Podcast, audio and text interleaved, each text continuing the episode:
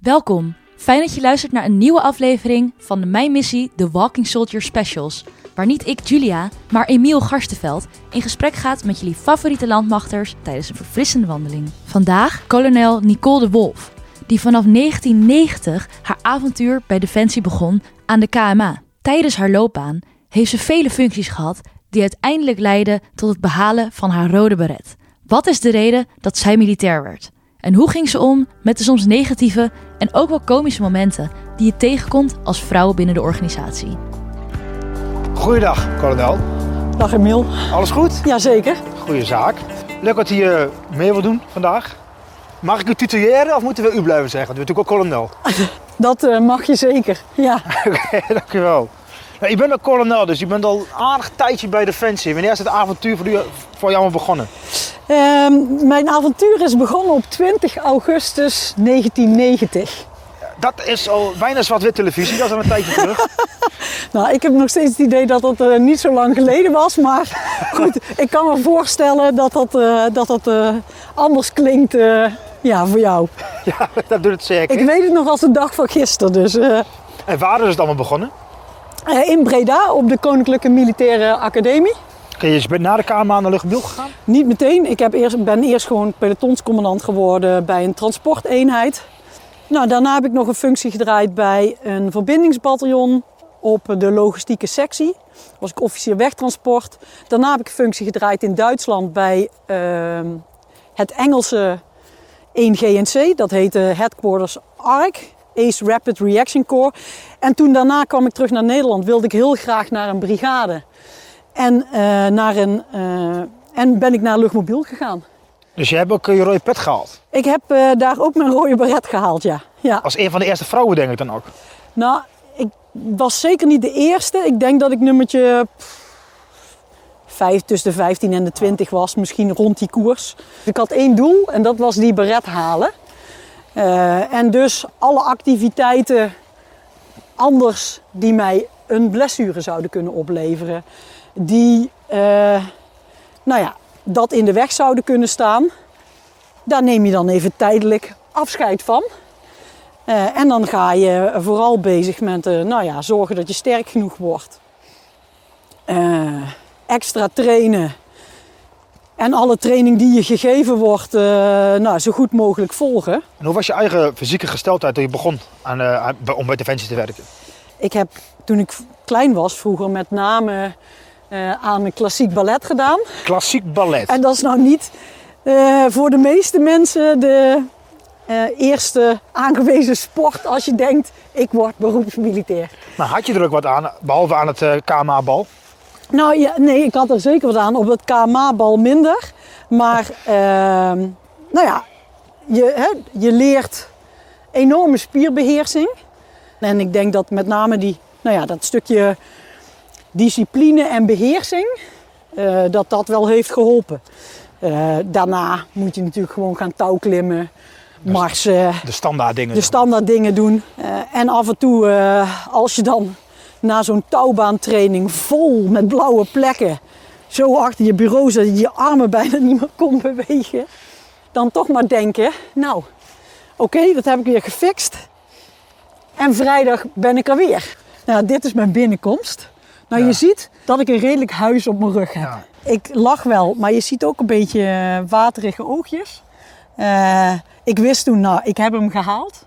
En dat was eh, dubbel belangrijk, want ik had de week ervoor was de crematie van mijn vader. Die is tijdens de opleiding overleden. En ja, weet je, dan komt op zo'n moment wel even alles samen. Ja, dit, is het, dit vind ik echt het ultieme bewijs van wat een mens kan. Dus het is niet, we hebben het gehad over fysiek, maar ik ben er 100% van overtuigd dat 60, 70% Mentaal is. is mentaal. Als je mentaal de wil hebt om iets te kunnen, dan kan er veel meer dan dat je fysiek misschien voor mogelijk houdt. Eh, Je geest kan meer dan je lichaam denkt. Oh, absoluut. En wat is de reden dat je naar de KMA bent gegaan? Ik wilde wat anders dan anderen die, eh, eh, bij, die in mijn omgeving kwamen. Ehm, ik ben opgegroeid in Limburg. Op mijn school zeiden ze, Nicole, van onze school gaat helemaal niemand naar de KMA, dus dat gaat ook jou niet lukken. Dat helpt bij mij over het algemeen niet. Dan heb ik altijd het idee, oh, dat gaan we dus wel eens even laten zien dat dat wel kan. Eh, ik heb nog een broertje en een zusje om te gaan studeren. Mijn ouders konden dat niet betalen. En ik bedacht dat ik dan iets moest gaan doen wat ze ook geen geld zou kosten. Want ik konden mijn broertje en mijn zusje, die beduidend slimmer zijn dan ik, gewoon eh, gaan studeren aan de TU eh, waar ze eh, naartoe wilden. Nou ja, en de KMA was in die tijd een van de weinige opleidingen waarvan je, je van dag één zei het met zakgeld. Maar dat was voor een student toch echt een bijzonder rooskleurig vooruitzicht. Dus ik dacht, dat past ook mooi. Toen ik daar natuurlijk begon, had ik geen idee of het ook wat zou zijn voor mij of voor de organisatie. Ik stond namelijk ook niet echt bekend als iemand die gemakkelijk omging met autoriteit. Behalve als ik die zelf had. dus uh, mijn vader zei. Uh, toen, toen nou, het kwam er dan wat moeilijker uit, maar die zei: Nou, Nicole, ik ben benieuwd hoe lang je dat volhoudt. Ja, want uh, leiding geven is toch echt wat anders dan leiding ontvangen. En dat ga je in het begin toch zeker doen. Nou ja, daar heeft hij wel uh, gelijk uh, in gekregen. Maar aan de andere kant, uh, zeker toen ik, na, toen ik van de kamer afkwam, maar eigenlijk al in mijn eerste jaar, voelde het als een, ja, als een passend kledingstuk waarvan ik dacht, nou, dit had ik veel eerder aan moeten trekken. Of in ieder geval, dit is een kledingstuk wat ik niet meer snel uit zal doen. En hoe was het in die tijd om als vrouw naar de KMA te gaan? Um, nou ja, op zich had ik niet het idee dat het super bijzonder was. Uh, wat wel grappig was, is dat uh, mijn eerste groepsinstructeur uh, voor de eerste keer werd geconfronteerd met vrouwen in zijn groep. Want hij was infanterist, had dat eerder in zijn carrière niet meegemaakt. Dus was wat ongemakkelijk. En een mooi voorbeeld. Je werd op zo'n bivak in van die boogtenten gelegerd. En je was ingedeeld in een groep. Nou, dus wij met onze groep die boogtent opzetten, bedjes klaarzetten. Hadden we ook allemaal gedaan. En ik zat met nog een ander meisje in, uh, in die groep. En plotseling, vlak voordat we moesten gaan slapen, komt die instructeur naar ons toe en die zegt: Ja, ja, sorry, sorry.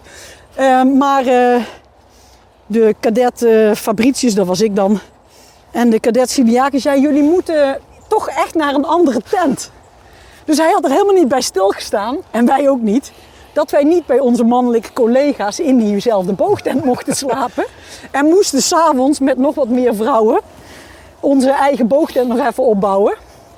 Om te kunnen uh, overnachten. Nou ja, je werd af en toe vergeten met alarm. Als je dat extra slaap oplevert, is dat helemaal niet zo erg. er zitten ook voordelen aan. Er zitten ook voordelen aan. Dus ik had zelf niet het idee dat het echt heel bijzonder was. Je was natuurlijk niet met heel veel vrouwen. Um, maar soms gebeurde er van die dingen, dan ervaarde je van ja, dit is niet de standaard. Dus je bent wel zeg maar een odd one out. Nou, nou ja, en dat is, dat is eigenlijk gevoelsmatig altijd zo gebleven. Dus ik heb het zelf nooit zo ervaren en ervaar dat ook nog steeds niet zo. Maar goed, als je om je heen kijkt, uh, dan ben je wel altijd een van de weinigen. Nou. En dat is op zich jammer, want ik denk dat het een fantastisch uh, beroep is wat we hebben. En dat veel meer vrouwen dan nu dat ook gewoon zouden kunnen doen. En ook leuk zouden vinden. Een deel van ons werk vereist ook bepaalde fysieke basiseisen. Dus daar zul je aan moeten voldoen. Maar ik denk dat een groot deel van wat wij doen mentaal is. En uh, die kwaliteiten zijn niet zeg maar ongelijkmatig verdeeld tussen mannen en vrouwen. Dus daardoor zouden wij dat dan minder kunnen of zo. Dus uh, ik denk dat alles kan. De vraag is alleen of de omgeving er altijd klaar voor is. En hoe bedoel je dat precies? Nou, uh, we hebben nog niet zo lang geleden de discussie gehad over vrouwen op onderzeeboten. Nou, de, het werk wat daar moet gebeuren, kan prima door vrouwen gedaan worden. Daar is iedereen het over eens.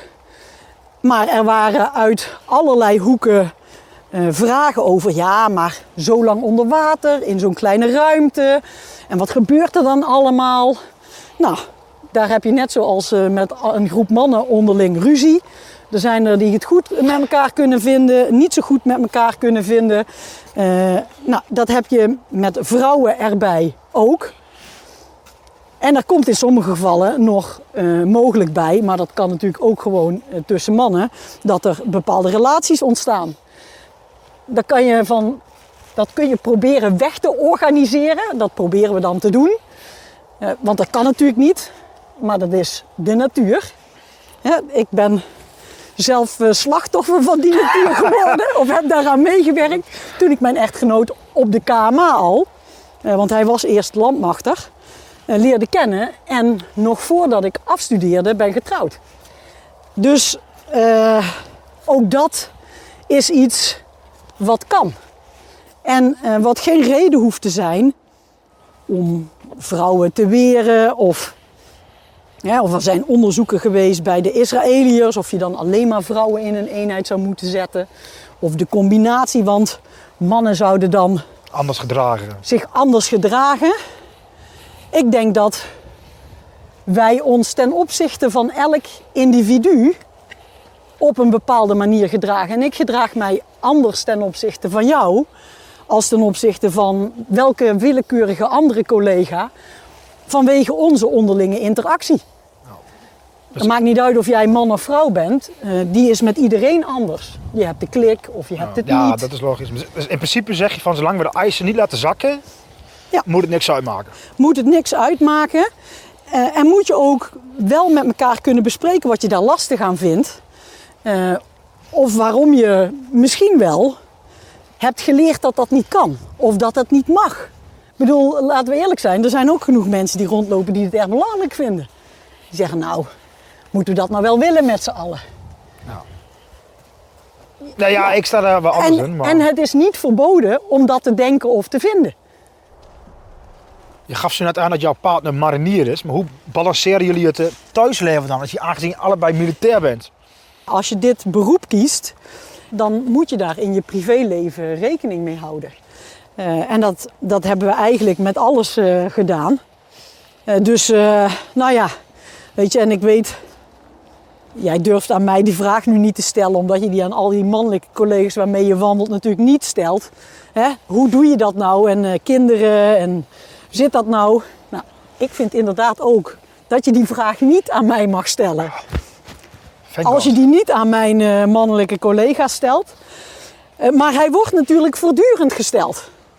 In allerlei vormen. Ik kreeg gewoon tijdens mijn sollicitatiegesprek de vraag of ik van plan was nog moeder te worden. Toen mocht die vraag ook nog niet, ook niet meer gesteld worden, maar alsnog werd die gesteld. Eh, en ik heb het meegemaakt dat ik eh, dat iemand zei van ja, maar ik ga me niet druk maken over jouw carrière. Want ja, je wordt dadelijk eh, midden 20, eind 20 moeder. Dan ga je de dienst uit. Dus hè, die effort eh, heeft geen zin. Toen maakte ik nog de opmerking, moet ik mijn baarmoeder laten verwijderen om te bewijzen dat ik dat niet wil? Beetje rigoureus. Een beetje rigoureus, maar nog steeds worden wij geconfronteerd met dit soort vragen. Ik heb, bij mij heeft die biologische klok nooit getikt, dus ik had niet echt de enorme drang om moeder te worden. Jacco had best graag vader willen worden. Maar goed, uiteindelijk eh, hebben we gezegd van ja, weet je, we zijn heel erg gelukkig met z'n tweeën. Misschien moeten we dat maar gewoon zo houden. En dan kunnen we wel allebei eh, het maximale uit ons werk halen. Eh, want ik had wel het idee, als ik moeder word, dan weet ik één niet wat er allemaal biologisch, hormonaal met mij gebeurt en of ik dan nog dezelfde ideeën heb over hoe ik mijn leven wil inrichten als dat ik die nu heb. Maar ja, als je ze eenmaal hebt, kan je ze niet meer op terugkomen. dus goed, uiteindelijk eh, zijn ze er niet gekomen. En moet ik zeggen dat ik daar eh, uitstekend mee, eh, mee kan leven. Je bent vaker op missie geweest. Wat hebben de missies jou zelf gebracht? Ik denk in totaal verantwoordelijkheidsbesef in al zijn facetten. Ehm, toch ook de nou ja, eindigheid van het leven. Ik denk op alle missies zijn we wel mensen kwijtgeraakt. Niet altijd Nederlanders, maar wel in de missie zelf. Ja, dat doet ook wat met je. Wat hebben de missies voor die mensen daar gebracht? Denk je dat ze geslaagd zijn of goed zijn geweest? Nou, je kan dat van, van meerdere kanten bekijken. Ik denk dat wij daar als landmacht en als krijgsmacht sowieso een betere organisatie van worden. Omdat we daar geconfronteerd worden met ons werk. En los van de missies, eh, denk ik dat je voor het land in ieder geval een stukje betrokkenheid toont bij wat daar bij hun gebeurt. En hun eh, wil ondersteunen om uit die nou ja, vervelende situatie te komen. Of ehm, ja, om hun te helpen een land weer op te bouwen. ehm, wat door bijvoorbeeld burgeroorlog eh, eh, verwoest is geraakt. Dus ik denk dat je met name, zou ik zeggen, betrokkenheid. Ook zij krijgen, denk ik, het idee dat ze niet helemaal alleen op de wereld zijn. En dat er ook andere mensen zijn die bereid zijn om ten koste van toch een best hoge prijs eh, bij te dragen aan het verbeteren van de wereld. Eh, want dat is gedeeltelijk wat we met die missies natuurlijk hebben gedaan.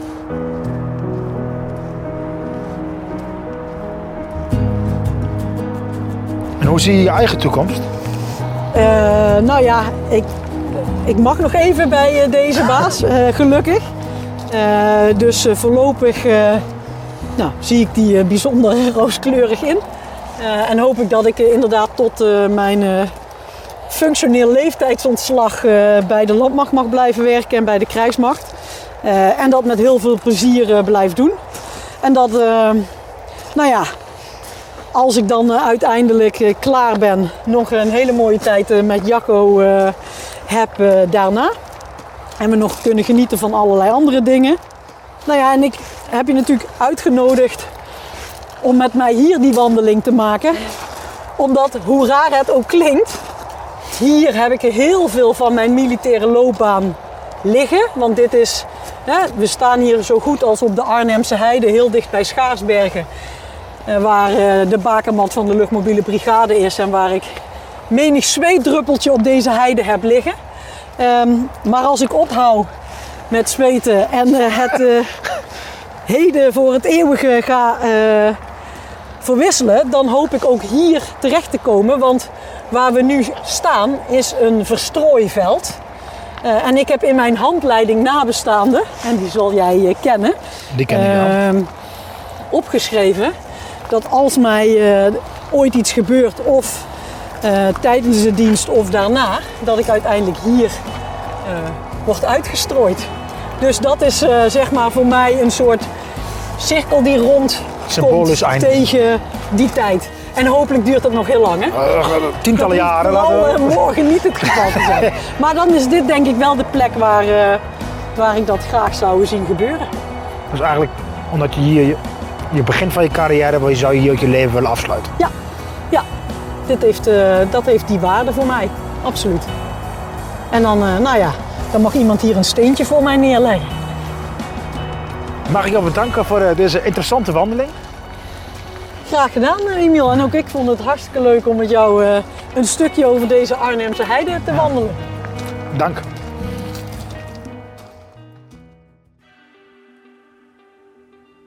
Op YouTube is The Walking Soldier ook fysiek te bekijken. Vergeet je niet gelijk te abonneren op ons kanaal, zodat je altijd up-to-date bent van de nieuwste landmachtcontent. Bedankt voor het luisteren en tot de volgende aflevering.